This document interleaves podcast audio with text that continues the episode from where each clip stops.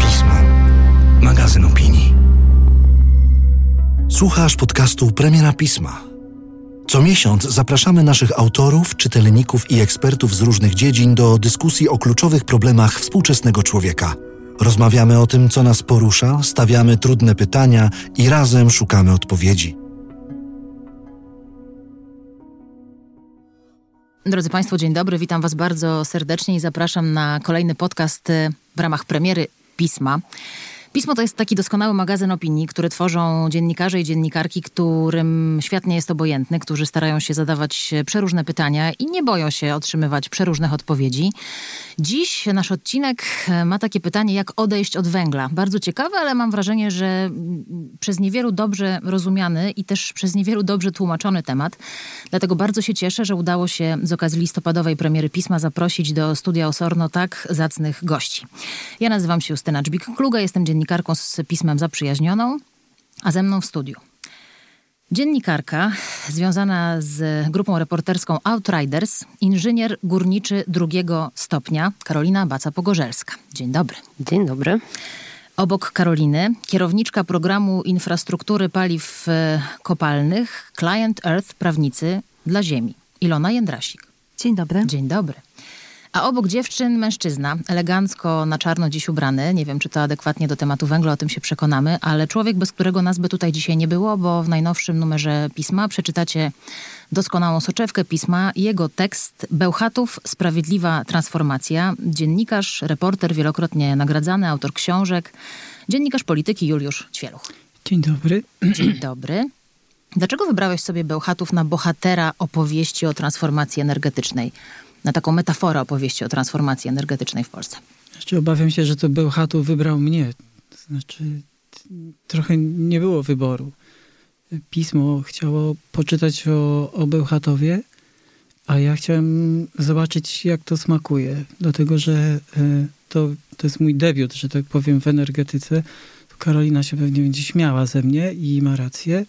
W zasadzie to mm, ona Bo powinna ona w to napisać. nie debiutuje. A ponieważ nie może napisać wszystkiego w Polsce, to ktoś inny musiał napisać i wybrali mnie. A tak szczerze, to chodziło y, o to, y, znaczy ja chciałem zrozumieć, y, co tam się wydarza. To, to mnie w ogóle fascynowało. Ten Bełchatów to przez lata było takie miejsce do produkcji chmur, jak przejeżdżałem y, y, do Gliwic, skąd pochodzi moja żona. Y, I z niczym więcej mi się to nie kojarzyło. Później było jeszcze bardzo dużo e, tekstów, że trzeba go zamknąć albo nie zamknąć. I chciałem zrozumieć, o co w tym chodzi. Myślę, że też pismo wzięło do napisania tego tekstu kogoś, kto o tym nie ma żadnego pojęcia, wychodząc z założenia, że będę e, tak maksymalnie obiektywny, jak się tylko da. No i byłem maksymalnie obiektywny, bo wchodząc w to, może to, to jest e, błąd, co teraz mówię, ale wchodząc w ten temat nie miałem o nim bladego pojęcia nie miałem żadnej wiedzy o energetyce. Jedyne, co mnie łączyło z energetyką, to najbliższe gniazdko e, e, w moim mieszkaniu i co dwa miesiące rachunek za prąd, który coraz jest wyższy i to też e, zaczęło mnie zastanawiać. I dlatego właśnie zacząłeś swój tekst e, w taki sposób, który sprawia, że każdy z nas poczuje się połączony z energetyką, bo właśnie od tego prądu i od tego gniazdka, od wyobrażenia sobie braku prądu swoją drogę do Bełchatowa zaczynasz.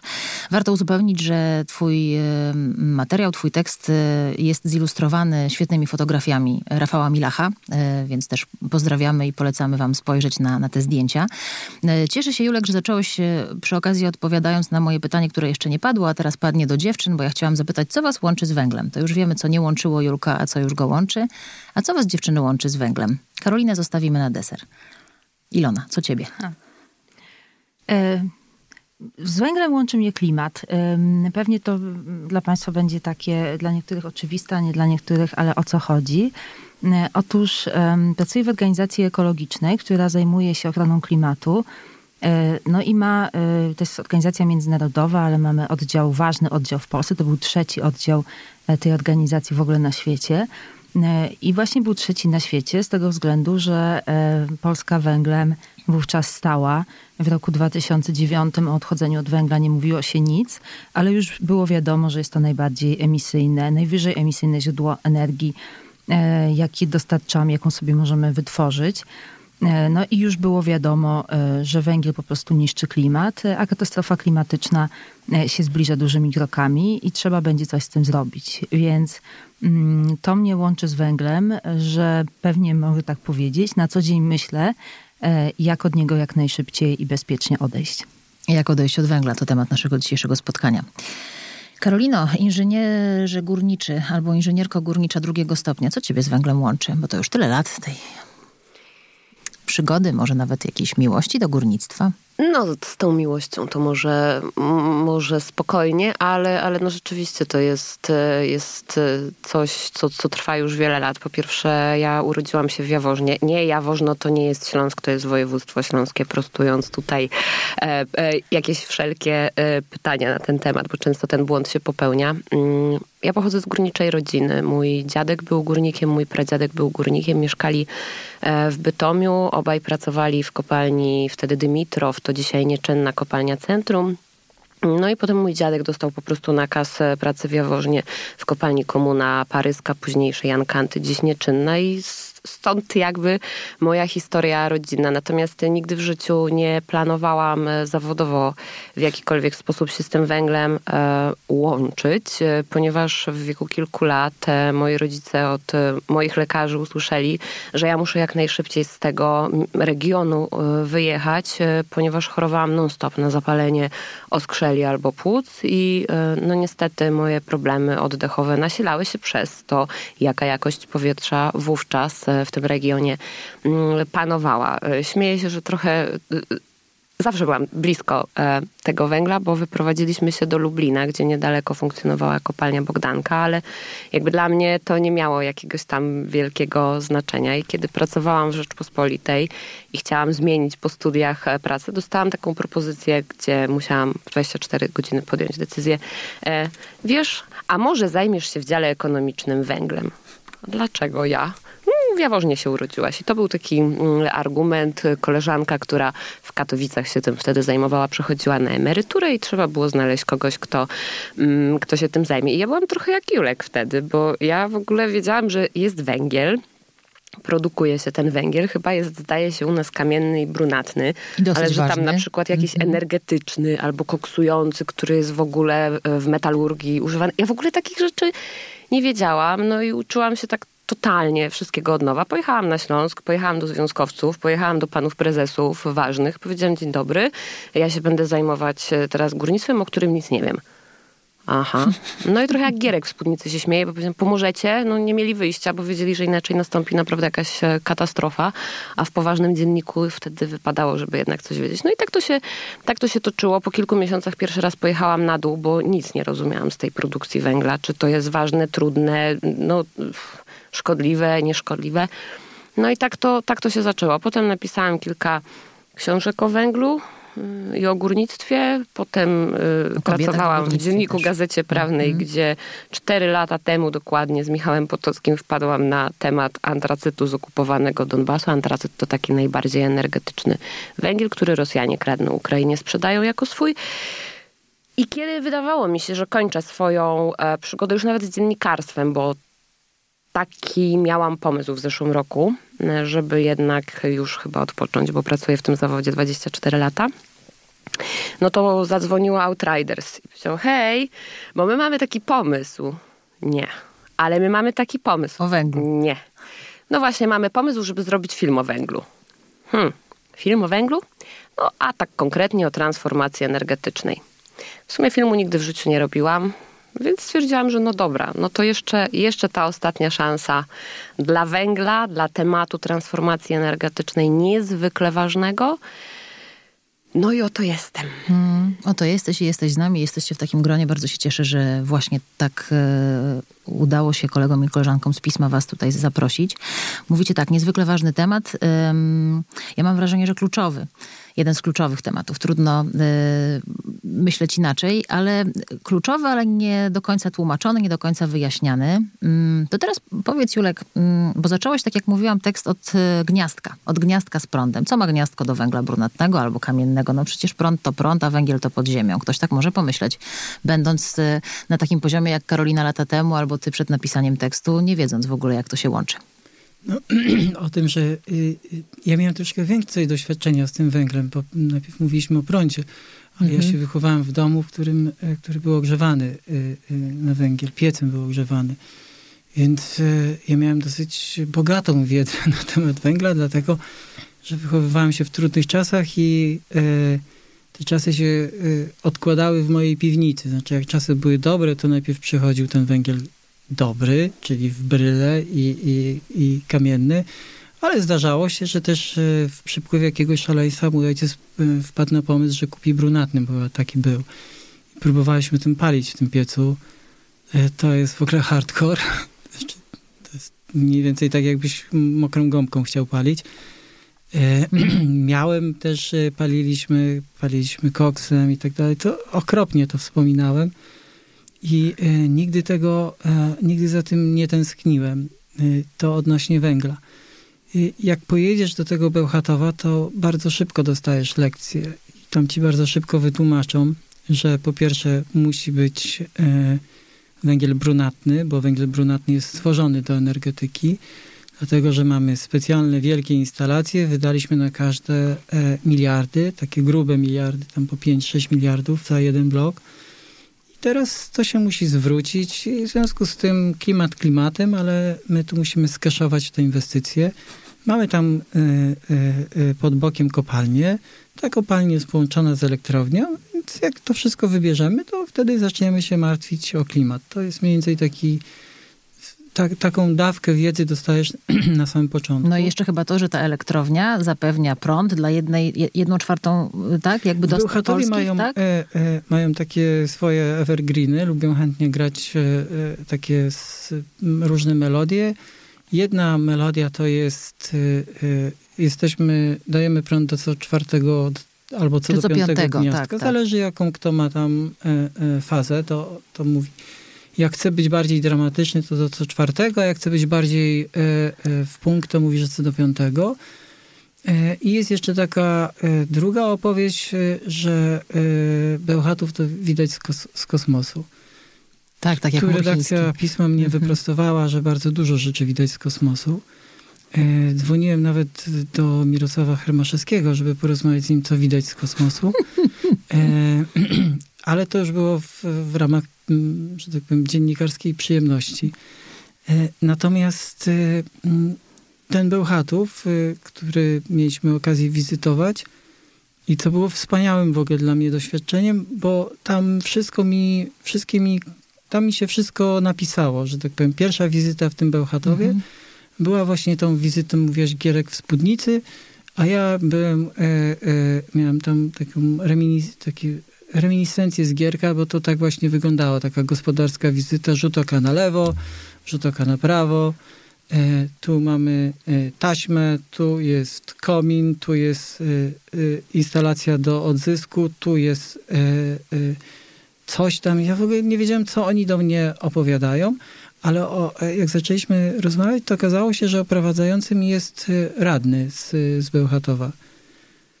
Co mnie zdziwiło, później się okazało, że tych radnych e, pracujących w, e, w tej firmie Jest więcej. jest delikatnie Mm, mówiąc więcej. Delikatnie. Mhm, Prawda? Jasne. To, to też mi jakoś tam zaczęło układać tą opowieść. Później, że to wszystko jest e, największe, że tego się nie da zamknąć, że tu byli ekolodzy, ale zeszli, bo zmarzli, a tam to wcale tu, proszę pana, tu leci takie powietrze, że można się tym inhalować i tak dalej, i tak dalej. Więc jakby całe mnóstwo kłamstw, które tam padły, było przytłaczające i dużo pytań to we mnie wzbudziło. My byliśmy tam z e, Rafałem w piątek i e, ja wolno myślę, więc dopiero w poniedziałek sobie zrobiłem tą listę rzeczy, które chciałbym Mhm. jeszcze dopytać. Zadzwoniłem tam we wtorek i okazało się, że dyrektora Bełchatowa już nie ma. I że to, co miałeś, że już go nie ma. Poszedł Mhm, gdzieś indziej. mhm, mhm. A potem e, w trakcie pracy nad tym tekstem, a trwało na 9 miesięcy, to jeszcze dwóch przeleciało. I to jest jakby, to jest bardzo szeroka opowieść. To nie jest w ogóle opowieść o Bełchatowie. Absolutnie nie. To jest Mhm. opowieść o, o, o Polsce. Ten Bełchatów jest tylko taką muchą w bursztynie. Takim punkt, tak, taką muchą w bursz, bursztynie, taką metaforą, jak mówię. W 2020 roku, to wiem z twojego tekstu, 70% energii zostało wytworzone z węgla. E, Ilona, w 2030 roku ile procent energii będzie wytworzone z węgla w Polsce? Ja myślę, że maksymalnie, maksymalnie 50%, a realnie pewnie może jedna trzecia. E, może jedna trzecia. To znaczy, mówiąc wprost, e, wydaje mi się, że do 2030 roku przetrwa kilka najnowszych bloków, czyli te bloki, które były wybudowane e, no, po, y, po 2005 roku, czyli ostatni blok w Bełchatowie, nowe bloki w Opolu, ten najnowszy blok w Jaworznie, może najnowszy blok w Turowie. To będzie raptem kilka instalacji węglowych, które... Kozienice jeszcze. Kozienice oczywiście otwarte w 2014, tak?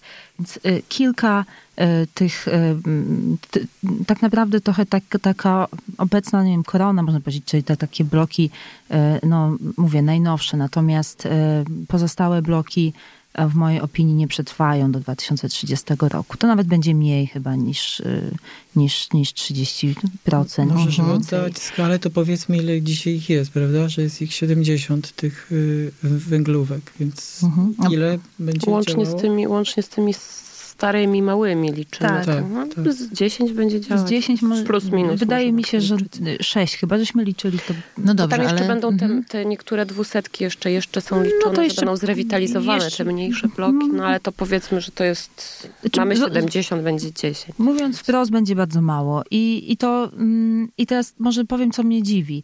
E, dziwi mnie to, że polityka energetyczna przyjęta e, w tym roku, e, w kwietniu bodajże, jest absolutnie niepasujące do rzeczywistości. To znaczy, to była taka polityka, która została przyjęta, e, spojrzeli na nią eksperci i myślę, że tutaj, że tak powiem, eksperci z prawa, z lewa, ze środka, no, e, z węgla, z OZE, e, różnej maści mogli spojrzeć i zobaczyli jakiś taki um, prognozę, którą nikt nie wierzy.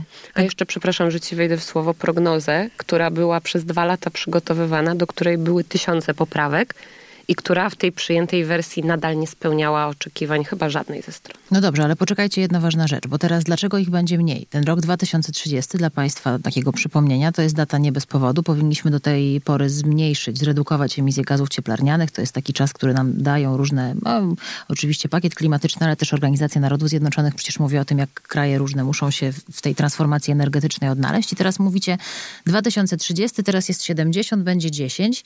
No to mało teoretycznie, ale czy będzie ich tak mało, bo je pozamykamy z własnego wyboru, czy po prostu skończą się złoża, z których korzystają różne? Ja powiem tak. Rzeczywiście pani powiedziała o tych różnych wymaganiach. Według... Możemy być po imieniu. E, tak, przepraszam, cześć. Jeżeli mamy mówić...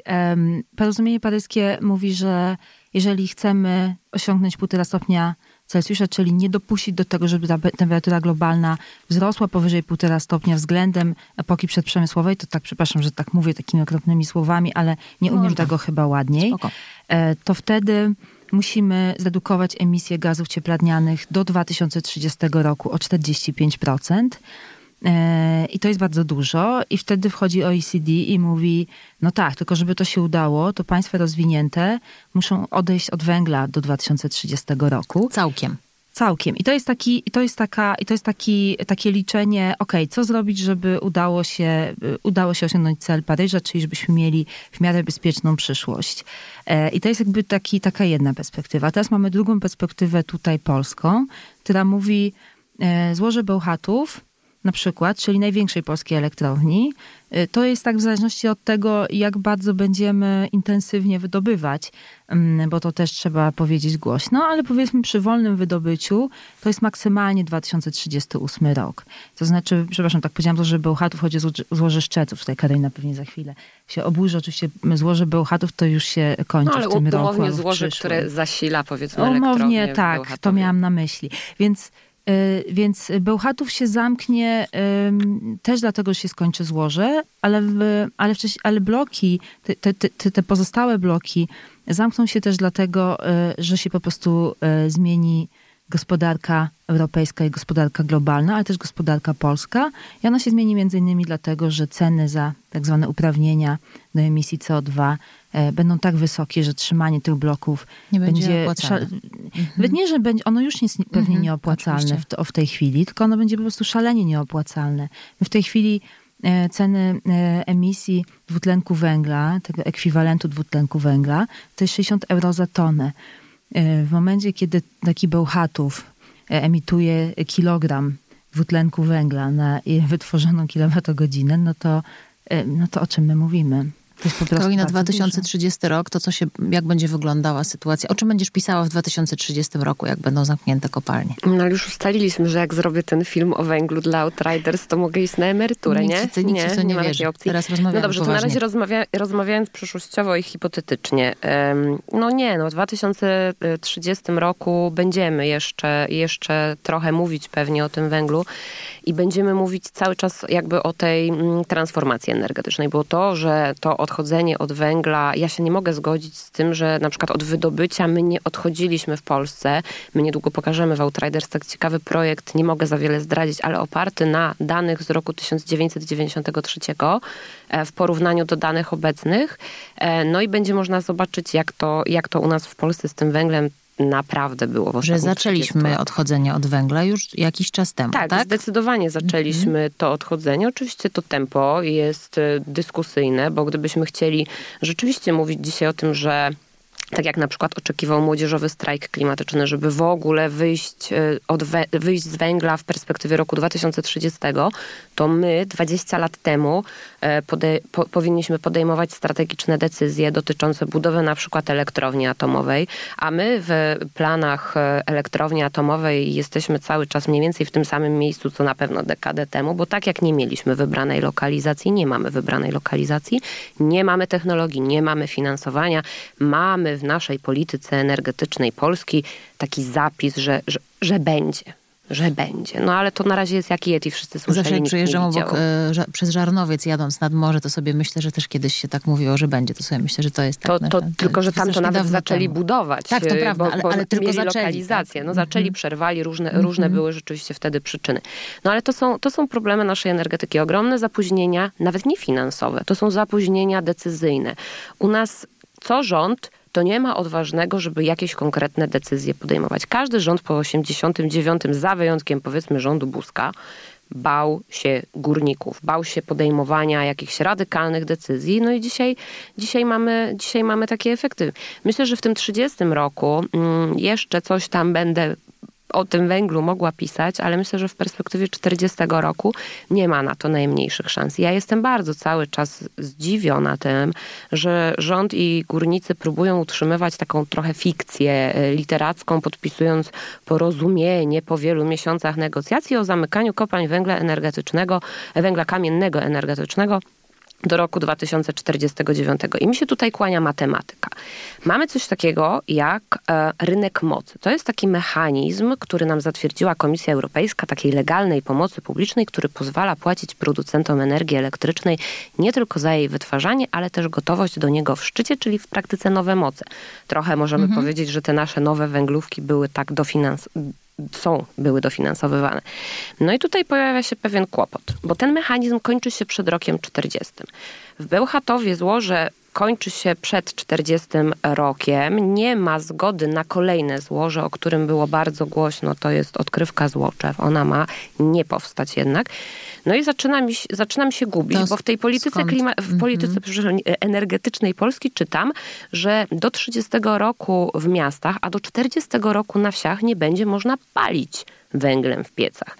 W związku z tym po co te kopalnie miałyby jeszcze między 40 a 49 rokiem ten węgiel wydobywać? No chyba po to, żeby go potem zakopać. Bo ja naprawdę tutaj nie widzę żadnej logiki. Może Oczywiście wszyscy sprzedamy, wiedzą... może jest taka wiara, że sprzedamy. sprzedamy. To znaczy my już Ale węgla komu? nie eksportujemy praktycznie. -hmm. Robimy to w minimalnych Sami ilościach, bierzemy, bo nasz węgiel mm -hmm. jest tak bardzo drogi, że żaden kraj, który jeszcze nawet używa węgla, tak jak na przykład Niemcy, oni nie mają już żadnej własnej kopalni węgla kamiennego, bo ostatnią zamknęli w 18 roku.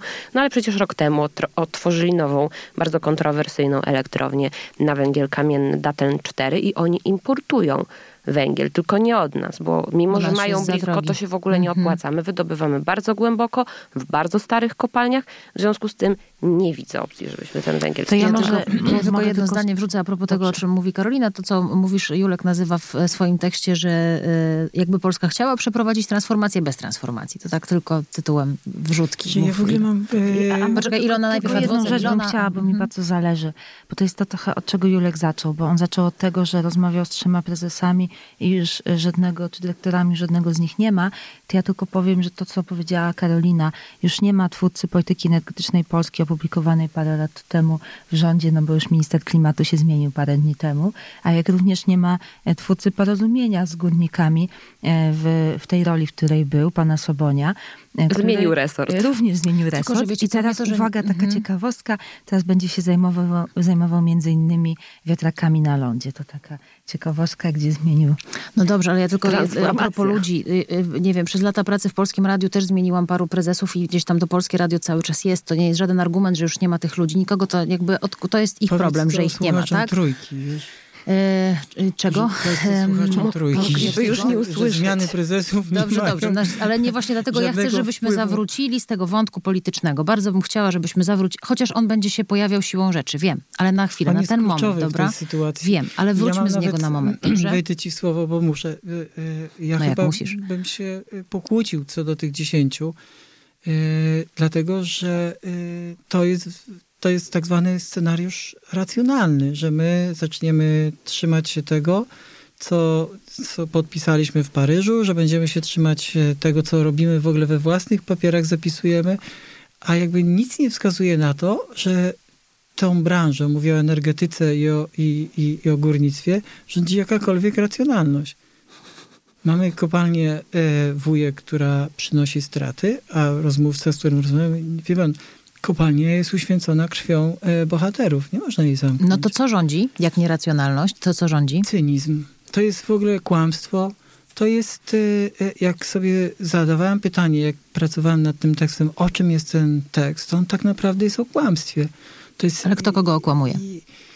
łatwiej mi jest wy- wymienić, kto kogo nie okłamuje. Znaczy, rząd okłamuje górników, że węgla mamy na 200 lat. To akurat powiedział prezydent, a nie Tak. premier. Ale on powiedział, przepraszam, bo ja zawsze to prostuję, powiedział jeszcze drugie zdanie. On powiedział, że mamy węgla na 200 lat, a na e, racjonalne, ekonomiczne wydobycie na 30-40. Więc chciałabym dokończyć jednak, że na 200 lat, jeżeli byśmy liczyli, to my mamy tego węgla. Nawet Tak na- naprawdę, pod nawet- ziemią. Ale my go nie możemy mieć. Tylko właśnie dowcip polega na tym, miejmy go na 7 tysięcy lat. Tylko cała zabawa polega na tym, że my go nie możemy mieć na więcej, bo za chwilę nie będziemy mieli czym oddychać. Teraz ja jednak wejdę w zdanie, bo moim zdaniem to jest wszystko bardzo proste. To jest wszystko bardzo proste. Mamy fundusz na rzecz sprawiedliwej transformacji, pieniądze z Unii Europejskiej dla krajów, które chcą te transformacje przejść. Mamy kilka kopalni, bierzemy te miejsca, bierzemy ludzi, którzy tam są. Oni się przebranżawiają z szacunkiem dla polskiego górnictwa i z pamięcią o nim. Dajemy im nowe, piękne miejsca pracy, e, zamykamy te kopalnie, przestawiamy się na OZE, na różne inne alternatywne źródła energii i koniec. Dlaczego to nie jest takie proste? Bo twój mikrofon nie będzie działał, jakby powiedzieli ludzie z Bełchatowa. Ani ta lampka Ale ja pytam Juliusza Ćwielucha, a nie człowieka z Bełchatowa. Dlaczego? Słuchajcie, no bo to jest dlatego- prosty mechanizm, tak? Na logikę jest zmiana, zmiany klimatu. Nie mamy wyjścia. To są rzeczy, do których nie mamy wyjścia. Te porozumienia to nie jest jakaś, jakieś widzimisię, tylko to jest wymóg naszej planety, na której żyjemy, bo jeszcze sobie nie skolonizowaliśmy innej. I teraz, dlaczego to nie jest takie proste? Yy, 2008, Karolina o tym mówiła, 2018 zamknięcie ostatniej kopalni węgla kamiennego w Botrop. Ja byłem u tych górników, którym zamknęli kopalnię trzy miesiące, dwa miesiące temu. I rozmawiałem z jednym z nich, z Andreasem, który zresztą wywoził tą ostatnią bryłę i wręczał panu prezydentowi Niemiec. I on mówi, co z tego, że my zamknęliśmy te trzy kopalnie? Chodziło o to, że Niemcy zastanawiali się, czy zamknąć wszystkie, czy trzy zostawić. Między innymi ten Botrop miał być zostawiony, bo tam mieli tego, tego węgla, mają jeszcze na długie lata. Bardzo dobrej jakości węgiel, jak to oni mówią. Mówi, to z tego, że my zamknęliśmy te trzy kopalnie, jak Chińczycy w tym czasie otworzyli 30. Jaki tu jest sens? No to jest tak jak mówienie w Bełchatowie, co z tego, że my, a Niemcy coś tam. Jakby skupmy się na Polsce. tak, tak, Wracam a do Polski. Chińczycy, a coś Nie interesują tam, mnie, zawsze- nie rozmawiajmy o Niemczech ani o To są Chinach. bardzo ważne Dlaczego, argumenty. Ilona, dlaczego, bo to jest, jakby reprezentujesz organizację ekologiczną, to o czym ja mówię, to jest po prostu fakt. To nie są jakieś rzeczy, że my sobie wishful thinking, jak niektórzy mówią, tak? To nie jest jakieś rzeczy, to się musi wydarzyć. Czemu to jest w Polsce takie trudne? Moim zdaniem e, z trzech powodów. Tak, po pierwsze, bo, bo niewiele osób chce odejść od węgla, i, a w szczególności w tych regionach, gdzie ten węgiel, e, no przynajmniej się wierzy, że jest. E, I, i, to, I się nie chce, bo, bo, bo, bo jest fajnie tak, jak jest i w zasadzie to po co, i po co taka zmiana. I myślę, że to jest gdzieś tam w głowach głęboko, że, że przecież było dobrze. No przecież Bełchatów to, no tutaj ta perła w koronie, czytaliśmy w tekście, polskiej energetyki, wszyscy bogaci, a tutaj nagle zmiana. No nie, nie, nie pchają się, tak? No, no, bo, no bo zmiany, bo ludzie nie lubią zmian, bo, bo jest jakaś tam sytuacja zastana, bo są jacyś, jacyś ludzie, którzy mają korzyści, jakieś grupy korzyści. No i nagle to wszystko trzeba znowu przewartościować to jest pewnego rodzaju rewolucja w takich lokalnych społecznościach. Ja myślę, że będzie powód numer jeden. Powód numer dwa to jest, y, to jest, y, to jest trochę to, o czym y, to, co obserwujemy no, rzeczywiście od 30 lat. To znaczy, to jest taka próba reformy energetyki w taki sposób, żeby nic się nie zmieniło. I to naprawdę, i to naprawdę tak wygląda. To znaczy, były inne, inne przemysły no, w latach 90. miały, przeszły bardzo taką gwałtowną transformację, bardzo szybką transformację. Energetyka była trzymana pod kloszem, bo energetyka musi, musi może powiem dla, dla, dlaczego, bo ciągle mamy takie trochę powojenne myślenie o autarkii energetycznej, o czymś takim, że musimy być niezależni energetycznie. To jest rozumiane tak, tak, że każdy kilowat energii, mm, e, kilowatogodzina energii musi być wytwarzana w Polsce, z polskich złóż, i tak, żeby to Polak jeszcze przy tym No, no tak na wszelki wypadek, bo jeszcze nam ktoś podniesie ceny i no przecież to logiczne. Ale to tak jakby swoje. nasze ceny były y, tak niskie, żeby rzeczywiście o nie walczyć. To znaczy, to jest takie myślenie, jakbyśmy myśleli, że każdy e, t-shirt w Polsce musi być wyprodukowany w Polsce. Zastanówmy się e, w ogóle bardzo fajnie. Ja bym to, y, mnie by to nawet jakoś tam cieszyło pewnie, tylko zastanówmy się, jakie byłyby ceny. To wcale wcale to, to wpływa negatywnie na cenę energii, a nie pozytywnie, bo nie ma żadnego rynku. No i więc, więc mamy do czynienia z takim sektorem, który jest jakby trzymany jak najdalej od jakiejś wszelkiej takiej racjonalności um, też gospodarczej, ekonomicznej. On jest, on jest trzymany jako taki, taki sektor, nie dotykajmy, bo, bo, bo to, to, to jest może węgiel, może brudne, może smog, może niszczy przyrodę, może, yy, to, o to jeszcze nie było powiedziane, że węgiel ma fatalny wpływ na jakość wód. E, że, że to był ogromny problem ekologiczny. Już nie powiem o jakości, o, o tych rzeczach, które się działy no, w latach 80. czy 90. pod wpływem e, spalania węgla, też tego przemysłu śląskiego, prawda, o kwaśnych deszczach w Polsce, które przecież mhm. występowały. Już, już pomijmy, bo powie, powiemy, że filtry, że coś tam jasne. Nie będziemy mówić o innych emisjach metali ciężkich. No, ogromne, ogromne, ogromne problemy środowiskowe na I, wielu przepraszam, poziomach. metanu przy wydobyciu, który I metanu jest 21 przy razy bardziej związki siarki niż tam CO2 i przeróżne. sobie leci. Znaczy jakby dla mnie leci w atmosferę. nieekologiczność jest jakby informacją obiektywną. Tutaj też nawet nie, nie trzeba to przekonywać ja nikogo, tak. dlatego ja wracam Jak się do pytania, powie bezpieczeństwo dlaczego? energetyczne, to wszystkie argumenty w postaci ceny, bezpieczeństwo, takie cenowe powiedzmy dla użytkowników, środowisko, wszystkie argumenty znikają. A trzeci, jaki jest trzeci powód? Powiedziałeś, że są dwa. Pierwszy to są No ludzie, i trzeci to będą rzeczywiście bardzo silne w porównaniu z innymi związki zawodowe, górnicze, które E, są rzeczywiście e, świetnie zorganizowane. Nie tylko w taki sposób, że one są świetnie zorganizowane na takim poziomie, że, no, że są powiedzmy duże i, i ten, tylko też na takim poziomie, że proszę sobie wyobrazić, że w Polsce mamy um, ile? 25, 24 kopalnie działające 20. i 120 związków zawodowych zarejestrowanych. To znaczy, I uzwiązkowienie niekiedy powyżej 100%. Bo to można, znaczy, być, można być członkiem jedne, 100%, większej liczby związków tak, niż tak, jednego. Tak, dlatego wychodzi na przykład 116% czasami uzwiązkowienie w Może być kopalni. w dwóch, trzech związkach mhm. zawodowych. A, a proszę zapytać, co będzie, jak się nie zapisze do związku zawodowego. No ja powiem, że karierę, karierę ma słabą. To znaczy, to jest tak, że. Haracz trzeba płacić. Się, I to były zresztą podnoszone tematy też akurat przy węglu koksowym, bo w innej spółce, ale po prostu takie, że, e, że to jest jakiegoś rodzaju, no nie chcę powiedzieć słowa państwo w państwie, ale odrobinę ale tak, tak. Mhm. Że, że mam do czynienia z, no, z pewnego rodzaju porozumienie między związkami zawodowymi a zarządami e, tych spółek górniczych czy energetycznych, gdzie no, trzymamy się razem i pilnujemy, żeby nic ja nie Ja to rozumiem. To teraz Karolina, no ty jesteś inżynierem górniczym. Ja pamiętam różne zdjęcia, które, bo, bo przecież znamy się lata i, i, oglądam sobie twoje media społecznościowe w całym mundurze górniczym. Jesteś taką osobą, która jest rzeczywiście związana z, tak jak sama powiedziałaś, z górnictwem.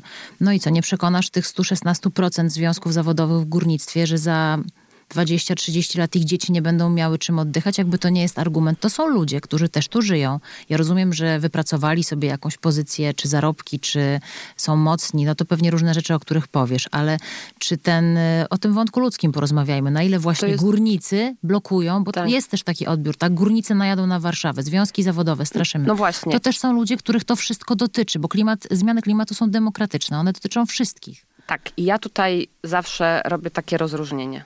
Górnicy, związkowcy, a konkretnie liderzy związków zawodowych. Bo trochę jest tak, rzeczywiście, jak mówiła Ilona, że e, górnicy czasem są w tych związkach też dla, e, związkach zawodowych dla tego świętego spokoju, żeby płacić te składki e, i żeby nikt im głowy nie suszył, że jak to, dlaczego oni, oni tego nie robią. Ale tylko króciutko jeszcze w nawiązaniu, ja bym dodała jeszcze czwarty powód, trochę o którym ty mówiłaś, to jest taki, że przez całe lata mm, utkwił nam wszystkim w głowach stereotyp, że energia z węgla jest tanią energią.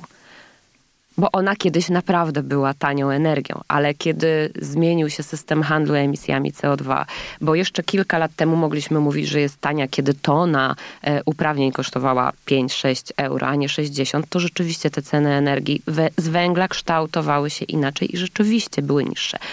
Ale kiedy rozwinęły się odnawialne źródła energii na taką skalę, na jakiej w jakiej funkcjonują teraz, to się wszystko po prostu zmieniło. I wracając do związków, no to jest, to jest dla mnie w ogóle niesamowity, niesamowity e, case, że ze, z liderami związków zawodowych e, jest tak, że ja 14 lat temu, jak zaczynałam pracę, ja miałam te same osoby. Te same osoby. Tu się ci sami nie zmienia. Ludzie, to się nie zmienia. Ministrów nie policzę, ilu w tym czasie było zajmujących się węglem. Prezesów w tych spółkach wszystkich i tych na te spółki, jeszcze była kompania węglowa, dzisiaj Polska Grupa Górnicza. Wszystko się zmienia, ale liderzy głównych związków zawodowych nie. I to pokazuje, jaką oni mają siłę. I to są związkowcy, którzy tutaj obiecują najazdy Ale na ktoś ich Warszawę. wybiera. Ktoś ich przecież wybiera. Sami się tak? wybierają. Sami się wybierają. Myślisz, że górnicy naprawdę są zaangażowani w życie związków zawodowych. Ci e, prawdziwi górnicy, którzy pracują pod ziemią, a nie związkowcy, którzy siedzą na związkowych Słuchaj, to brzmi jak etatach mafia, i bronią. wiesz, jak jakaś organizacja ale, taka, ale wiesz, ja podam taki przykład. Ja podam swoich. taki przykład. Dlaczego związki zawodowe tak bardzo bronią kopalń? Przecież tylko i wyłącznie dla pieniędzy. Po pierwsze, w każdej kopalni są oddelegowania związkowe i etaty związkowe, na których oni po prostu siedzą i nic nie robią. Sorry. Druga sprawa jest taka, że i było to wielokrotnie w mediach podnoszone i opisywane. Mnóstwo liderów związków zawodowych jest powiązanych z firmami okołogórniczymi, które dzisiaj zapewniają usługi i towary kopalniom. W związku z tym likwidacja każdej kopalni oznacza mniejszy biznes dla nich. Był taki jeden prezes. E, Była sobie jeszcze wtedy kompania węglowa. Przyszedł, miał wizję. Miał wizję. Patrzył, że hmm, dlaczego półmaski jednorazowe w jednej kopalni, w innej spółce kosztują, dajmy na to, 2,50 za sztukę, a on ma przetarg i u niego na 6 zł to wychodzi. No i przyszli do niego tacy panowie i zapytali, czy on ostrożnie jeździ na tym swoim motocyklu. Tak to wygląda. Niestety. No mówię, no to I jeżeli ktoś tego nie bardzo ukróci, a to jest takie obopólne Mhm. przyzwolenie. Obopólne mam na myśli strony rządowej i prezesów, no bo wybieranych też jakby mm, bardzo często nominatów e, partyjnych, bo to są spółki Oczywiście. e, kontrolowane przez Skarb Państwa. E, Czasem są fachowcy, nie będę tutaj chciała wszystkich do jednego worka wsadzać, przepraszam, ale no niestety czasem są to figuranci. No i tu jest taki, takie, takie ciche przyzwolenie na, na takie działanie. Jeżeli to się nie zmieni, to niestety będzie się taka sytuacja utrzymywać. Tyle tylko, że ja mam wrażenie, że gdzieś do rządzących y, i w ogóle do opozycji również zaczyna docierać, że to jest już droga jednokierunkowa. E, Zobaczcie, co się dzieje w tym momencie z Turowem. Turów to nie jest e, konflikt dotyczący transformacji energetycznej. Mam tutaj na myśli działanie kopalni Turów zaskarżone przez Czechów do Trybunału Sprawiedliwości Unii Europejskiej i decyzję Trybunału o wstrzymaniu działalności tej kopalni do czasu wyjaśnienia e, sprawy. Chodziło właśnie o zagrożenia wodne, o których wspomniałaś, bo to jest też bardzo ważne. E, I i mamy taki ping-pong. My wam damy karę, nie, my jej nie zapłacimy. No nie wyłączymy, oczywiście teraz abstrahując od tego, że ta decyzja e, TSUE była taka dosyć kontrowersyjna, bo tam ktoś trochę nie do końca pomyślał, że zatrzymanie tej elektrowni, y, kopalni, przepraszam, zatrzyma nam też elektrownię, tak więc do tego nie chcę już teraz wracać, ale zaczyna to gdzieś docierać mm, do świadomości polityków, ale też do świadomości Polaków, że my z powodu węgla, czy to kamiennego, czy brunatnego, zaczynamy mieć duże problemy, nie tylko związane z transformacją, ale też z kwestiami e, prawnymi. I ja myślę, że tutaj będziemy mieć do czynienia w najbliższych latach z takim efektem kuli śnieżnej. Że to już jest taki... E, tak, tak sądzisz? Liczysz tak na sądzę. to? No, czy, czy bardziej na tak, to liczysz, czy tak sądzisz? Tak sądzę. Ja tak sądzę. No, wszyscy bo, na to bo liczymy, ja już, bo jak albo bo, śnieżna, nawet jeżeli nie patrzę. Ale, ale widzę na przykład rzeczy, które się gdzieś tam jednak zadziały. Bardzo błędną decyzją od początku było, była reaktywacja przez PiS, e, czy Zjednoczoną Prawicę, tak powinnam powiedzieć, decyzji o tym, żeby wrócić do budowy elektrowni Ostrołęka C na węglu. Efekt jest taki, że ten sam e, rząd zaorał tę swoją decyzję, a konkretnie decyzję byłego ministra energii e, Krzysztofa Tchórzewskiego, który jest szefem PiSu ostro, na Ostrołękę i Siedlce, w związku z tym no, jakby Tyle tylko, że kosztowało nas to, te idiotyczne, przepraszam, decyzje, kosztowały nas e, ponad 1,3 miliarda e, złotych, a efekt jest taki, że e, nie powstanie tam elektrownia mhm. węglowa i to jest bardzo dobra decyzja. Ma tam powstać elektrownia gazowa, czyli na paliwo, które też jest paliwem kopalnym i emisyjnym, ale jednak dużo mniej emisyjnym niż węgiel, no i ma być chwilowo przez Unię Europejską uznawane za e, przejściowe. Podobne decyzje w trochę mniej kontrowersyjny sposób zapadły w elektrowni Dolna Odra, gdzie też początkowo był plan budowy nowych, e, mniejszych oczywiście, ale bloków węglowych. Ten plan zastąpiono jednak budową bloków Dobrze, gazowych. Wracamy Więc z... liczę, -hmm, że to mm -hmm. jednak dalej się będzie działo i nikt już u nas energetyki węglowej jednak rozwijać nie będzie. Ponieważ uwa uważamy pewne prawdy za obiektywne i też e, ja rozumiem wszystko to, co mówicie. To znaczy, że to są zaniedbania, że to jest 30 lat, że różne ekipy, e, że związki zawodowe, że jeden z drugim, że gdzieś tam powiązania. To jest wszystko oczywista rzecz, dzięki temu, że o tym opowiadacie, ale my po prostu transformację energetyczną przejść musimy. Czy się to komukolwiek podoba, I czy nie? nie? tylko my. I nie tylko my, ale rozmawiamy o Polsce. Wszyscy, tak? Wszyscy, każdy, kto się z tym boryka, tak? Z paliwami kopalnymi. Teraz Julek, piszesz w swoim tekście, nawet 890 miliardów złotych potrzeba na modernizację krajowej energetyki. Skąd my te pieniądze weźmiemy? E, e, znowu zrobię woltę i, i wrócę jeszcze do jednego ważnego wątku. Bo jeżeli rozmawiamy o tym węglu w takim ujęciu dużym, jak rozmawiamy związki, ministrowie Jak napisałeś tak dalej, w tekście też. to mhm. mamy jeszcze 8 milionów domów e, w Polsce, mniej więcej, opalanych węglem. Jeżeli nawet udało się wymienić piece w, nie wiem, 10% w ramach tych wszystkich programów, nadal jest miliony ludzi, którzy używają węgla.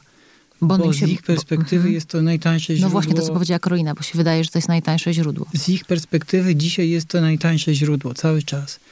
W związku z tym to nie jest tak, że y, y, ten rząd boi się y, tych związkowców i, i nie jest w stanie im fiknąć. Pewnie nie. Znaczy, pewnie się ich boi ale ten rząd został wybrany przez konkretnych I ludzi. boi się też tych ludzi. To może kampania edukacyjna. Kolejna, bo o piecach było. Zmień płeć, to, to ja słynna mogę, kampania. To ja, mogę, kampania. to ja mogę pomóc.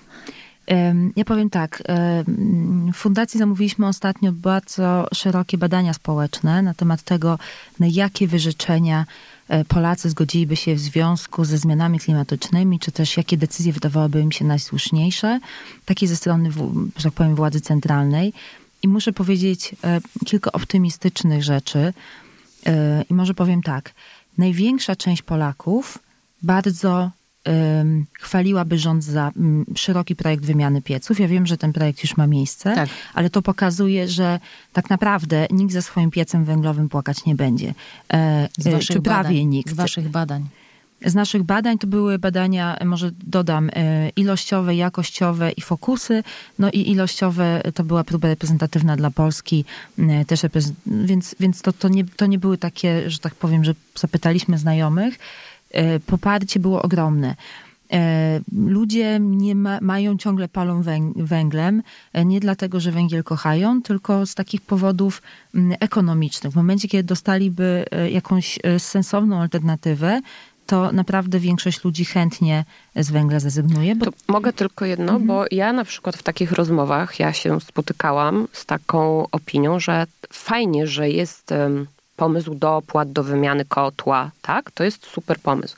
A Ale- kto nam potem dopłaci do tego droższego paliwa, na przykład gazowego czy innego? Tu się, tu się pojawia bardzo duża wątpliwość u ludzi. I, To jest właśnie cały czas, to jest to, jest to kłamstwo, o którym rozmawiamy, że nie ma e, e, ten rząd, inne robiły po, podobnie, ale ten jest jakby e, na pudle, numer jeden, e, od sześciu lat rządzi. Ten rząd nie prowadzi żadnej uczciwej rozmowy ze społeczeństwem, nie prowadzi żadnej uczciwej rozmowy z górnikami. Przecież to, to co Karolina wyliczyła, to jest, to jest ewidentne kłamstwo. To jest wpędzanie tych ludzi e, e, e, w kłamstwo. Jakie 2049? To już będzie dawno pozamiatane. Oni zostaną na lodzie. Niemcy zamknęli Botrop tak, jak zamknęli, tylko i wyłącznie dlatego, że w 2007 strona związkowa, strona społeczna i strona rządowa oraz samorządowa siadły przy stole i powiedzieli w 2018 zamykamy. W tym samym To co oni momencie... takiego, zro- dobra, co oni takiego zrobili, czego u nas nie można zrobić? To znaczy, że Rozmawiali siedli i porozmawiali, tak? Rozmawiali uczciwie, tak? Rozmawiali- Usiedli przy stole i nie było tutaj Rozmawiali podchowania. też na Mhm. liczbach. Wytuma- Pokazali tym Mhm. górnikom, że dzisiaj do jednego miejsca pracy w górnictwie dopłacamy 80 tysięcy euro.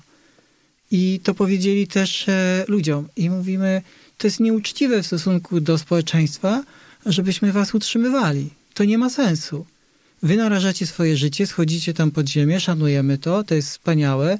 Będziemy do końca życia dotować waszą tradycję górniczą, skoro to jest takie ważne dla was, ale nie możemy do końca życia was dotować, bo to nie ma sensu. W Polsce wszystkie programy, wystarczy wejść na stronę NIK-u. Może my jesteśmy nieobiektywni, bo jesteśmy dziennikarzami z Warszawy i tak dalej. Ja nie jestem z Warszawy, ale Ze Niech tak będzie. Wystarczy wejść na stronę NIK-u. Tam są raporty na temat tego, jak były wydawane pieniądze na restrukturyzację górnictwa. Nieważne, czy węgiel, cena węgla szła do góry czy w dół, to oni byli ciągle pod kreską. Ciągle dokładaliśmy kolejne miliardy. To nie są takie historie pod tytułem e, e, no 700 milionów to dużo, no ale trudno, wyciągnijmy z kieszeni, damy. Te programy wszystkie są od 7, 18, 60 miliardów. To są takie kwoty, które idą z budżetu na to, żeby utrzymywać tą branżę. I ta branża, nie da się mówić o górnictwie, nie mówiąc o energetyce. Oczywiście, Bo te dwie tak. branże się e, idą jakby ze sobą łeb w łeb i trzymają się trochę w takim klinczu. I górnicy mówią, to my nie będziemy wydobywali węgla, nie będzie prądu. Energetycy mówią, tak, musimy mieć ten węgiel. Dlaczego taki jest ważny węgiel w energetyce? Dlatego, że energetycy przewalili pieniądze, które dostawali na to, żeby e, e, zmieniać się, żeby wychodzić z tych brudnych technologii, żeby wchodzić w nowoczesne technologie. Oni je po prostu przeżarli. Co to znaczy przeżarli? Jak to przewalili? Na co przewalili? tej, To wszystko jest w tym tekście, ale myślę, że e, Ilona chętnie e, i dużo może o tym opowiedzieć, bo wy robiliście raporty na temat tego, jak to było wydawane. To powiedz chociaż skrótowo, o co, jak, co masz na myśli mówiąc przewalili, no bo jeśli... to ja powiem bardzo krótko.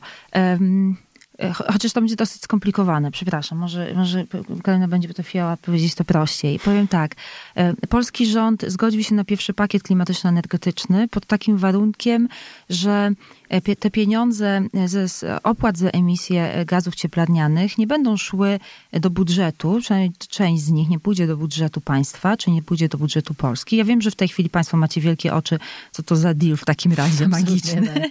Tylko pozostali w spółkach energetycznych i w zamian za to, że te spółki te pieniądze będą mogły sobie trzymać, to te pieniądze zainwestują w nowe, czystsze inwestycje. I, taki był, i takie było porozumienie. Czyli tak naprawdę można powiedzieć, bo to Donald Tusk negocjował, wówczas był premierem, że no, wychodzi naprzeciw energetyce, mówi wiem, że dla was to będzie wyma- wymagające, wiem, że ten pakiet to wówczas było 20% redukcji emisji e, w całej gospodarce do 2020 roku, że to będzie dla polskiej energetyki opartej na węglu no, no pewnie, pe, pewne wyzwanie, więc po prostu te pieniądze zostają z wami i wy je zainwestujecie e, w czyste technologie. Do tego potrzebny był taki plan, krajowy plan inwestycyjny, który był wysyłany do Komisji Europejskiej do zatwierdzenia.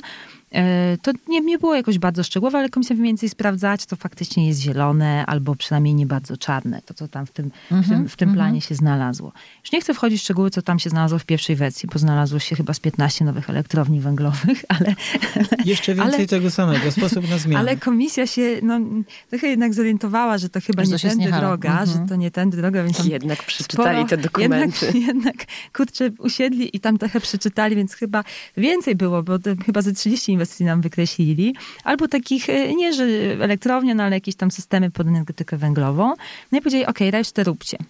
No i teraz e, zadziała się magia, bo zdarzyło się to, że nagle okazało się, że te uprawnienia są dosyć tanie, e, więc polska energetyka podrapała się w głowę, pomyślała sobie, no co ja będę głupie się modernizować, jak ceny uprawnień do emisji są dosyć niskie. No to ja sobie po prostu no, nie ma sensu tych inwestycji zaczynać i kilka takich inwestycji i, i, i, może powiem tak, myśmy chyba w 2017 roku sprawdzili, ile tych inwestycji powstało i to było około 30%. W tej chwili nie mam tego raportu przed oczami, ale mniej, mniej więcej 30% tych inwestycji powstało, cała reszta została uznana, została wykreślona z planów inwestycyjnych jako nieistotna. No i nagle przychodzi piękny rok 2018 czy 2019 i ceny emisji zaczynają rosnąć. Z 4-6 euro nagle pojawia się 12, 18 i to z miesiąca na miesiąc. Mówię, jest rok 2021 i mamy 60 euro za tonę. I w tej chwili tyle, energetyka no, krzyczy. W 2030 według e, niektórych no, prognoz. A tak, ale przez wiele lat. I, to nie jest i, i powiem jeszcze najciekawszą rzecz w tym wszystkim. I chyba rok temu słuchałam e, wypowiedzi E, prezesa Polskiej Grupy Energetycznej e, na jednym z, w jednym z takich właśnie dys dyskusji, chyba Polityki Insight, i on został zapytany tam przez dziennikarza. Mówi, panie, panie prezesie, no, no pan mówi, że to wszystko teraz niszczą i te wszystkie państwa plany i, i w ogóle rentowność spółki, tutaj największy wpływ mają ceny uprawnień, a, a dlaczego państwo się 8-10 lat temu nie modernizowali? Przecież no były kiedy takie... Kiedy trzeba było. Kiedy, kiedy mm -hmm. można było, jeszcze tanie były. I wtedy prezes powiedział, a kto by wtedy pomyślał, że te ceny tak urosną? O, bo matko, I mówię, dobra. I mówię, no, to, to właśnie o to chodzi. Dobrze. No, no, mhm. no właśnie, czyli, czyli zapóźnienia decyzyjne, brak wizji, brak, e, tak, e, taki słynny pan kiedyś był Kononowicz, co mówił, że no nie ma niczego. Nie ma nic, no, no i w Polsce, polskiej energetyce nie ma niczego. Wróćmy jeszcze do tych lęków, to, to o czym Których mówiła ludzkich? Karolina. Y, y, y, odnośnie tego, okej, okay, rząd mi dopłaci do wymiany pieca, mhm. ale co dalej? Ludzie mają prawo czuć się, zwłaszcza w Polsce, mają prawo czuć się zaniepokojeni albo co najmniej przestraszeni, bo jeżeli piec na pelet kosztował w czerwcu 12 tysięcy, to jest taki średniej mhm. jakości piec do tego, żeby ogrzać dom około 200-metrowy, to on teraz kosztuje 16 tysięcy mhm. albo 17,5 tysiąca i nie jesteś w stanie go kupić, bo jest załamanie na, na bo wśród producentów, bo tak. nie ma blachy. Mhm. Nie ma tych chipów, przez które tam stoją e, fabryki samochodów, więc trudno oczekiwać, że fabryki pieców też te chipy będą dostawały jeden z producentów mi powiedział, że chip, za który płacił 10 zł jeszcze pół roku temu, dzisiaj kupuje po 180 zł i jest bardzo szczęśliwy, że w ogóle mu się udaje taki chip kupić. No to to prawda? będzie po latach, jak kto mógł przewidzieć, że te ceny tak będą Ceny rosły? gazu poszybowały. E, e, z piecami to jest tak, jak mówiliśmy ludzie poinwestowali pieniądze w OZE i dzisiaj, dzisiaj się to wydarza. E, projekt latami, miesiącami wy, e, wy, wy, e, wypracowywany w ogóle wy, wypada z Sejmu. A na dodatek ci ludzie, którzy zainwestowali, mają prawo się czuć oszukani, bo w tym projekcie, który wypadł, ale jak sami rządzący mówią, wróci tylko inną drogą, bo będzie już taki poselski i tak dalej, nagle okazuje się, że będziesz już inaczej rozliczał tą inwestycję. Czyli ty sobie zapłaciłeś za, za, za tą instalację. Za Okej, okay, państwo ci mhm. dopłaciło, dobra, 5 tysięcy, 6 tysięcy, czasami nawet 12, bo tam jeszcze mogłeś podatek odliczyć i tak dalej, i tak dalej. Ale to jest inwestycja, która się rozlicza w perspektywie 15 lat. A nie minęło jeszcze 5, a rząd już zaczął kombinować, jak cię skubnąć na tym. Mhm. Więc ja rozumiem, że w Polsce ludzie mają prawo czuć delikatnie mówiąc niepokój. I to jest tak, że rewolucje w Polsce e, zawsze zjadają własne dzieci. I ci, którym dzisiaj, do których dzisiaj przychodzimy, bo jeździłem w Krakowie po, po domach, w których palono mhm. E, węglem, w momencie, kiedy już wiadomo było, że ja jeździłem w styczniu, a już wiadomo było, że we wrześniu koniec z tym paleniem węglem. Jeździłem do tych domów, jeździłem do tych ludzi i pytałem dlaczego pan dalej pali węglem? Różne były te powody, ale większość z tych ludzi mówiła, Panie, bo ja się po prostu boję przejść na cokolwiek. Ja nie wiem, co ja mam. To gaz mam założyć, a tu, mhm. tu nie ma linii gazowej. A zresztą powiedzieli, że jak się wszyscy podłączą do gazu, to spadnie ciśnienie i będziemy marznąć, prawda? Mhm. Albo na przykład... No też tam... zresztą podajesz w tekście przykład kolegi, który sobie zrobił instalację fotowoltaiczną, bo tu i fotowoltaika i wszystko, tylko no jaką ma moc, tak, przekładania. No dobra, ale teraz słuchajcie, wracamy, wracamy, wracamy. Pięknie to... Y, zakończę ten wątek. Mhm. Węgiel wydaje się bezpieczny. On jest absurdalny, bezsensowny, bo nas zatruwa, bo nas niszczy, bo znaczy, jego wydobycie kosztuje... My wierzymy w to, że on jest bezpieczny. Znaczy z jakiegoś powodu ludzie w to ludziom, wierzą, bo jest tani, Wielu tak? ludziom wydaje mhm. się, że że nie dotykajmy, bo już przywykliśmy jest jak jest. A rząd nie robi nic, żeby zmienić tej sytuacji. No jeszcze dokłada tak naprawdę. A, I dlatego a, tak ale... się uśmiechnąłeś trochę, kiedy ja powiedziałam kampania edukacyjna, no ale jakoś z ludźmi trzeba rozmawiać, tak? Ilona, Czasy jeszcze kampanii e, e, edukacyjnych moim zdaniem ale musimy, dawno już minęły. Ja, no wiesz, moim zdaniem też, natomiast y, to za chwilę, Ilona, bo chciałaś coś dorzucić, jeszcze jakieś zdanie. Ja chciałam powiedzieć o tej drugiej stronie, o tym drugim stronie, o drugiej stronie medalu, bo, bo Julek tutaj dobrze pokazuje, że tak powiem, rozmowy z ludźmi. Ja chcę powiedzieć, że znowu z badań wynika, i to nie tylko tych naszych ostatnich, ale wielu innych, że poparcie dla rezygnacji z węgla w energetyce w Polsce jest ogromne. To znaczy, to jest mniej więcej 80%, 70%, to zależy od badań ludzi, naprawdę poparłyby decyzję o odchodzeniu Polski od węgla. I, I to jest tak, że oczywiście można pytać na rzecz czego, można prowadzić wiele dyskusji, ale nie ma w polskim społeczeństwie e, takiego przekonania, już nie ma przekonania, że węgiel jest przyszłością. Wiesz, ja słuchając tej waszej rozmowy zastanawiam się, jak definiujesz polskie społeczeństwo, bo jak się poczyta tekst, y, czy jak definiujemy, tak, bo jak się poczyta tekst Julka, gdzie jedziesz właśnie na przykład do Bełchatowa i tam wszyscy Oczywiście. straszą Wałbrzychem i mówią, że po prostu będzie koniec i jak, jak Julek mówi, że jeździ po ludziach, którzy i tak palą i dalej będą palić, więc Ale słuchajcie... Mhm. To ja powiem brutalnie. Ja, ja mówię o całym społeczeństwie, znowu mówię o, o, ludziach, znaczy pamiętajmy o jednej rzeczy, że górnictwo w Polsce jest regionalnym tematem i oczywiście możemy mówić, że no ale jest kilka regionów, ale tak naprawdę jest e, Górny Śląsk, Dolny Śląsk, Lubelskie, Łódzkie, już nie wie nawet Wielkopolskie, bo Wielkopolskie zdecydowało o odejściu od węgla. To znaczy mamy całą północ Polski, gdzie ludzie się patrzą na węgiel jak, no, a tak szczerze mówiąc nie ma to dla nich żadnego znaczenia. No, to jest klasyk z podziałem Polski. I to jest e, klasyk z podziałem Polski, no mało polskie jeszcze, prawda? Tam mamy mhm. kopalnie, też zresztą bardzo nierentowne. I, I ogromne protesty społeczne przeciwko budowie nowych, to też dodajmy. Więc E, to jest to, to, to, ten, ten tekst e, Julka odnosi się do Bełchatowa, który jest bardzo specyficznym miejscem i oczywiście pewnie w Turowie może, będzie podobnie. Natomiast, e, natomiast e, to nie są i niestety górnicy też to muszą usłyszeć.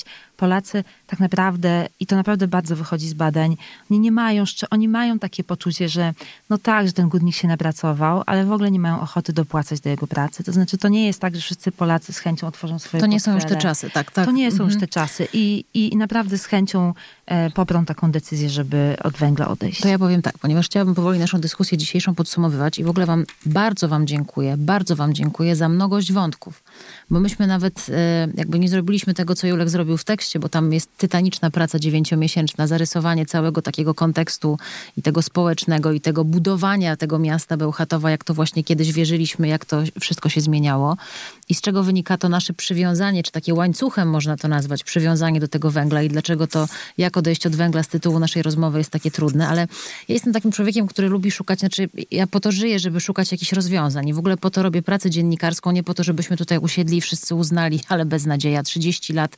zapaści, w ogóle kampania edukacyjna, był na to czas, nie. Jakby też jesteśmy tutaj po to, żeby zmieniać świat. I dla mnie faktem jest to, że nasza planeta się zmienia. Nie Polska się zmienia, Niemcy się zmieniają, Chiny. Nie, planeta się zmienia, tak? I wszyscy stoimy w obliczu tego i bycie gdzieś tam w oparciu o y, tę energetykę węglową, y, no pcha nas w stronę przepaści, mówiąc w dużym skrócie, ale to jest fakt. I teraz was, jako już teraz Julek też cię dołożę do jednak grona znawców tematu energetyki i górnictwa, bo tak to się absolutnie po tych 99 miesiącach wydarzyło. Jak byście chcieli, jakbyście chcieli, co, co, jak to po, powinno waszym zdaniem, jak powinna wyglądać ta tematyka? Zamykamy mafiozów, zamykamy połączenia, kto z kim, górników. E, myślę, że to zawsze jest człowiek i można z nim porozmawiać, tak? 2030 rok, jak to powinno wyglądać? E, jak powinna wyglądać nasza rozmowa, Karolina? To jest bardzo ciężkie pytanie, ale to mówimy o jak powinna wyglądać w świecie idealnym, czyli jak się powinno, powinno zadziać. No po pierwsze, e, ta decyzyjność powinna przyspieszyć. Mam tutaj też na myśli legislację, ale dobrą legislację, nie pisaną na kolanie, jak na przykład ustawy o rekompensatach za ceny prądu, jakie pamiętamy. E, skoro już tyle miesięcy temu przyjęliśmy politykę energetyczną państwa i wiemy, że jest niedoskonała, no to powinna zostać jak najszybciej poprawiona a jak zostanie poprawiona, oczywiście ona będzie się zmieniać, wiadomo, ale jak zostanie poprawiona, to na tej e, podstawie powinny zostać podjęte decyzje dotyczące mm, przyszłego miksu energetycznego Polski, w tym również decyzja o budowie lub nie elektrowni atomowej, a jeżeli lub nie, to natychmiastowa decyzja dotycząca tego, czym to wszystko mamy uzupełnić. Po drugie, powinny, e, powinny zostać zorganizowane środki finansowe na e, taką energetykę wielotorowo, bo jedno to jest fundusz transformacji, o którym e, mówisz, e, środki unijne i tak dalej, no ale, ale tutaj trzeba myśleć e, jakby szerzej, tak? Instytucje finansowe również powinny do tych rozmów zostać e, wciągnięte. E, a jeśli chodzi o samych górników i sam sektor e, węglowy, to powinna się odbyć rozmowa, o której tutaj Julek wspomniał, jaka odbyła się w Niemczech w 2007 roku. I może nie dwustronna, może trójstronna, może społeczeństwo też powinno mieć obraz jasny tych rozmów, żeby nie tylko górnicy wiedzieli, ile się do tego dopłaca, ale to też nie może być tak, że po wielu latach, bo pamiętajmy, że wszystkie kraje rozwinięte, mm, które kiedykolwiek wydobywały węgiel, w dużej mierze swoją, e, swoją potęgę w e, czasach minionych zawdzięczają właśnie temu, że jednak ten węgiel miały, tak? Że mogły się po prostu szybciej mm, rozwijać. W związku z tym e, tu też jest kwestia jakiegoś szacunku. Każda grupa zawodowa powinna być e, szanowana, ale jeżeli się mówi o tym, że się ją likwiduje, to powinny być jasne zasady gry. Okej, okay, ktoś powie, e, w naszym porozumieniu są, um, są odprawy zapisane i tak dalej, ale pieniądze to nie wszystko. Ci górnicy potrzebują um, konkretu. Fajnie, że teraz podjęto decyzję, że na Śląsku powstanie takie centrum kształcenia, które będzie mogło na przykład przeszkolić dzisiejszych górników mhm. na to, by pracowali przy wiatrakach, bo górnik górnikowi nierówno, o czym też trzeba e, pamiętać. Bardzo często są to wykwalifikowani specjaliści, elektrycy, spawacze. Przecież oni się doskonale mogą od, odnaleźć chociażby w branży e, budowlanej, ale także właśnie w tej nowej e, branży energetycznej. Mm -hmm. Nie wiem, czy to będzie pocieszające, jeśli na koniec powiem, że kiedy byłam w sierpniu na realizacji naszych zdjęć do filmu o zmierzchu e, górnictwa, jaki robimy w Outriders, to 1 e, lipca na ulicę wyszli tam masowo górnicy, a chciałabym tylko przypomnieć, że w kopalni działa w Mieres w Asturii ostatnia w tym kraju kopalnia węgla kamiennego. Oni nie protestowali dlatego, by chcieli z powrotem e, pracować w kopalni. Oni wyszli tam na ulicę z pytaniem, co z nami dalej będzie. W związku z tym ja bym też chciała, mhm. by nasi górnicy nie musieli po Tego zamykaniu kopalń wychodzić tak. i pytać, co z nami będzie, będzie, tylko by byli na to przygotowani wcześniej, tak jak byli przygotowani e, w Niemczech, e, bo transformacja energetyczna, kosztowna i E, ciężka, ona jest bolesna. Mówienie o niej, że ona może być sprawiedliwa, dla mnie, przepraszam, osobiście jest fikcją, ale trzeba zrobić wszystko, by dla tych, którzy są najbardziej nią objęci, chociaż wszyscy jesteśmy nią objęci, mam na myśli górników, mam na myśli osoby najuboższe, którym na przykład zakaże się palenia również węglem w domach, e, by te osoby po prostu otrzymały od państwa jak największe wsparcie, e, mhm. bo bez tego e, ta transformacja po prostu zaboli nas wszystkich dużo, dużo bardziej niż trzeba. Ilona, a jak nie węgiel, to co w Polsce? Jak nie węgiel, e, to przede wszystkim odnawialne źródła energii i tutaj e, no, wszystkie mm, takie badania i prognozy pokazują, że ceny e, że, że ceny tych technologii będą, one bardzo, one bardzo już spadają, one będą tylko tanieć.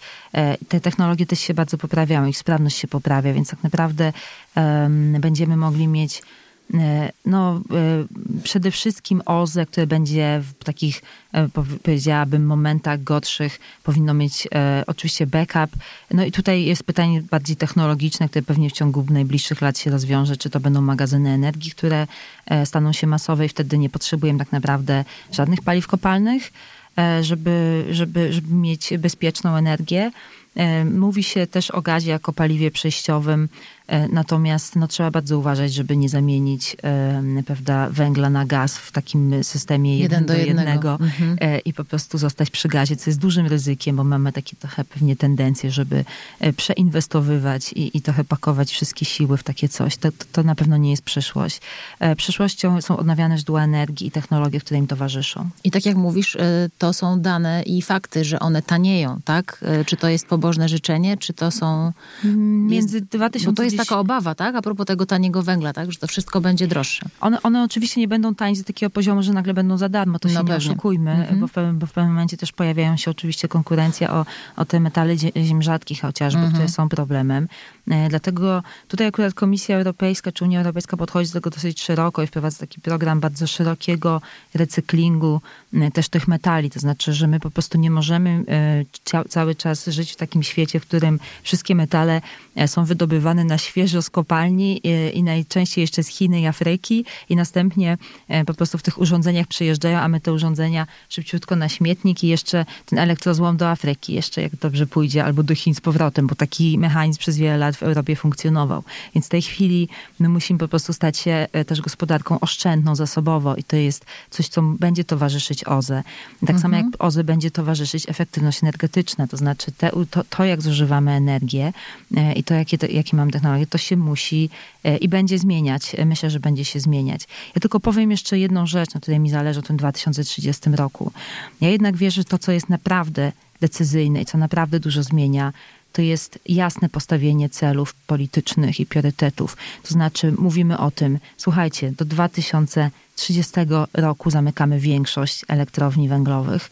Do 2035-36 może zostaną, zostaną te, i te, te, i te bloki, bo one no, powinny się, czy, czy one będą wspierały system w tych czasach transformacji. Poza tym idziemy bardzo mocno w, w offshore, w onshore, w fotowoltaikę.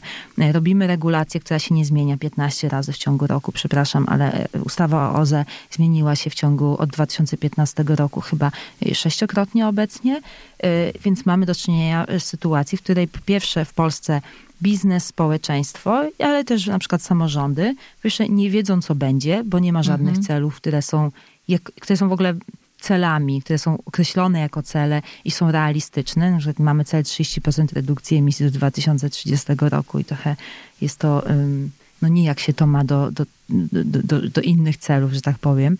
E, Po drugie, nie ma stałej regulacji. Tak jak mówię, ono jest pisane na kolanie, szybko, zmieniane co minutę. Nikt nie wie, czy inwestować, czy nie inwestować. Już nie będę wchodzić w szczegóły, co się dzieje przy prosumencie obecnie. Przecież tak szerokim i tak lubianym przez Polaków projekcie.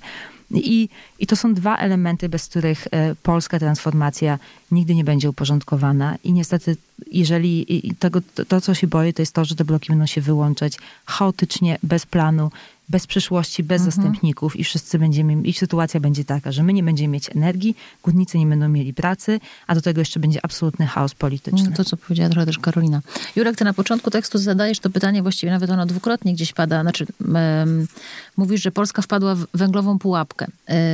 Czy my mamy szansę kluczyk do tej pułapki od środka jakoś, nie wiem, przegryźć ten łańcuch w tej pułapce, czy ktoś nam poda? My, czyli ty i My, ja. czyli Polacy. Y, My, czyli Polska. No, my, no właśnie, to, wiesz, no, chętnie bym cię zapytała o to, czy ty i ja możemy coś zrobić. No, po prostu można chodzić i głosować, choć z drugiej strony głosowaliśmy tyle lat i tutaj to jest jak jest. No.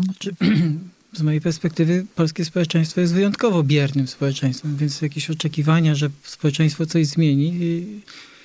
No wszyscy je tworzymy. Są, e, e, tak, to prawda. Ale chyba nie w równym stopniu mm, mm, udzielamy swoją aktywność. A poczułeś takie po- po, tym tekście, że, że z tej pułapki jest jakieś wyjście sensowne, czy to raczej cię tylko utwierdziło w przekonaniu o tym cynizmie, o którym mówiłeś i o tym braku logiki? E, Ja sobie na koniec zadałem pytanie, jak można transformować ludzi zawodowo, którzy obecnie zarabiają po 11 tysięcy na rękę, a jak ich przetransformujemy, to będą zarabiali 4. No to Karolina mówiła o górnikach. No, większość górników w moim wieku, ja mam 46 lat, może już przejść na emeryturę. Albo To- są już na emeryturze. Albo są już na emeryturze. A związkowców? Jaki, uwierzcie jaki oni mają interes, żeby klepać jakieś wiatraki do 65 roku życia? No Mhm. come on, no w ogóle przy, tym, przy dzisiejszych założeniach Mhm. nic nie idzie w tym kierunku, żeby zmieniać na lepsze. To jakie byś chciał, żeby były założenia? Jeszcze ci jedno powiem, tylko bo coś, co, to są rzeczy, które mnie wybijały z butów. Że masz ciepło systemowe, masz wielką elek- e, e, e, e, e, elektrociepłownię w, w mieście i połowa miasta nie jest podłączona. I nie dlatego, że nie można. Można, ale ci ludzie wolą palić węglem, na przykład tam na, na danej ulicy i oni się nie będą podłączali. Które państwo, które stać na, na taką rozrzutność, że budujesz wielki system, który wykorzystujesz w 50%. Gdyby to ciepło systemowe podłączyć na całej tej y, powierzchni, gdzie ono może być używane, to cena dla każdego z tych ludzi by spadła, amortyzacja tego systemu by y, szybko się zwiększyła. Mało tego, można by go zastąpić bardzo szybko projektami, gdzie emisja dwutlenku węgla i w ogóle spalanie węgla byłaby dużo niższe, bo możesz dokładać różne elementy, które spowodują odzyskiwanie energii, magazynowanie energii, inne źródła, możesz jakiś kocioł na biomasę dołożyć i tak dalej, tak. To wszystko jest do zrobienia, ale nic się nie robi bo jak się człowiek robi, to się narobi. To jest cytat z jednego z moich rozmówców do tekstu. A można też nic nie robić, tak jak się nic nie robi w Bełchatowie. Ale ja cały czas wracam do ludziom, tego, że nie możemy nic nie robić i wszyscy o tym wiemy. Dlatego poproszę ciebie o twoją refleksję pytanie, na koniec. Czy, co, jak mhm. ja to widzę? Ja widzę tylko i wyłącznie cynizm i mhm. taką totalny brak szacunku do tych ludzi totalny brak szacunku. Nikt z nimi uczciwie nie rozmawia. To znaczy do tych ludzi, którzy gdzieś tam żyją z, dlaczego, z węgla, Dlaczego tak? w, mhm. e, e, do końca okłamywano ludzi w Bełchatowie, że złoże Złoczew, to jest to, które miało jakby przedłużyć życie elektrociepłowni, będzie e, rozcięte, czyli że będzie tam wydobycie, kiedy już od dwóch lat wiadomo było, że tego nie będzie. No dlatego, że po drodze były jedne wybory, drugie, trzecie i czwarte. To jest czysty cynizm polityczny i nie ma to nic wspólnego z transformacją, z myśleniem o przyszłości tego kraju, o szczęśliwości jasne. pokoleń i tak dalej, tak Podobnie jak polityka e, prozdrowotna w, obecnie, gdybyśmy zrobili dyskusję o, o podejściu do COVID-19 w Polsce. Tak zakończymy, Julek? No, musisz po prostu jeszcze zapytać, zadać jakieś e, łatwe pytanie i e, e, będzie jakiś bukiet na koniec, ale ja obawiam się, że ja takiego nie mam. Znaczy, ja po tym tekście jestem mega pesymistą. Ja też byłam te po daty się nie, e, Te daty się nawet nie zapinają. Mm -hmm. Takie prosta sprawa, okej, okay, zamknijmy węglówki, nawet wszystkie jak leci, ale co będzie stabilizowało, co będzie dawało te 50 Hz do systemu? Mamy tą atomówkę, ile lat ją będziemy budowali? Z czego ją sfinansujemy? Kto ją wybuduje? Mhm. To są same pytania i, z, i złe odpowiedzi. Ja w działaniach tych ludzi nie widzę żadnej dobrej woli. Ale mówiąc tych ludzi, masz na myśli polityków. polityków. Ale tak sensu largo, tak? Nie tylko jakoś konkretnie, tak, którzy tylko dzisiaj tak za to odpowiadają, ale w zasadzie za nic nie odpowiadają, bo zmieniają się jak rękawiczki. Ja dzisiaj nawet nie umiałbym powiedzieć, kto w Bełchatowie jest odpowiedzialny za dane e, wydarzenie, bo ci ludzie zmienili się już tyle razy i tak szybko. Oni przychodzą, biorą pensję, później biorą odprawy i cieszą się, że uciułali trochę tych pieniędzy. Mhm. To jest ich perspektywa. No to akurat bardzo, tak jak mówisz, bardzo mocno widać to w kontekście energetyki i górnictwa. Niestety widać to również w kontekście innych dziedzin naszego życia. Ale tutaj nie będzie żadnego łatwego pytania. Raczej będzie kropka, bo to są pytania, na które żadne chciałbym, z nas w tym studiu nie uzyska odpowiedzi. Mam dwójkę dzieci i właśnie ten nie tekst mam takiego założenia, że takim, musimy tak zrobić. Z taką nadzieją, że, że jakby są łatwe, proste rozwiązania i można po nie sięgnąć. Ale nawet jeżeli one są, to czyli to ciepło systemowe, to my i tak nie sięgamy, bo naruszamy czyjś interes, bo jakiś pan Kowalski będzie zdenerwowany, że mu tam y, y, podłączą rurę i że on będzie musiał teraz za to płacić, a on chce sobie grzać wtedy, kiedy on ma ochotę, albo chce sobie grzać w ogóle, albo może chce węglem tylko palić, bo ma szwagra, który ma tam jakiś deputat i on to będzie dostawał i jego nie interesuje, że wszystkim na ulicy tutaj zatruwa powietrze. No to ja powiem tak, że następną, e, nie wiem czy w następnym numerze, bo pewnie już koledzy i koleżanki z Pisma zaplanowali numer grudniowy, ale może będzie szansa zrobić następną dyskusję e, wokół którejś premiery Pisma o odpowiedzialności społecznej, bo to już nie jest rozmowa o węglu, to nie jest rozmowa o energetyce, tylko to jest rozmowa po prostu o pewnej postawie społecznej, która w Polsce albo zdaniem niektórych jest, albo będzie, albo jej po prostu nigdy nie możemy się spodziewać. Za dzisiaj wam pięknie dziękuję. E, Karolina Baca-Pogorzelska, Ilona Jędrasik, Juliusz Ćwieluch. Jak odejść od węgla? No, takie było pytanie na początku i takie pewnie jest na koniec naszego dzisiejszego spotkania. Dziękuję, do zobaczenia. Miejcie się zdrowo i ciepło. Bez węgla, ale z otwartymi serduchami. Do następnego razu. Dziękuję.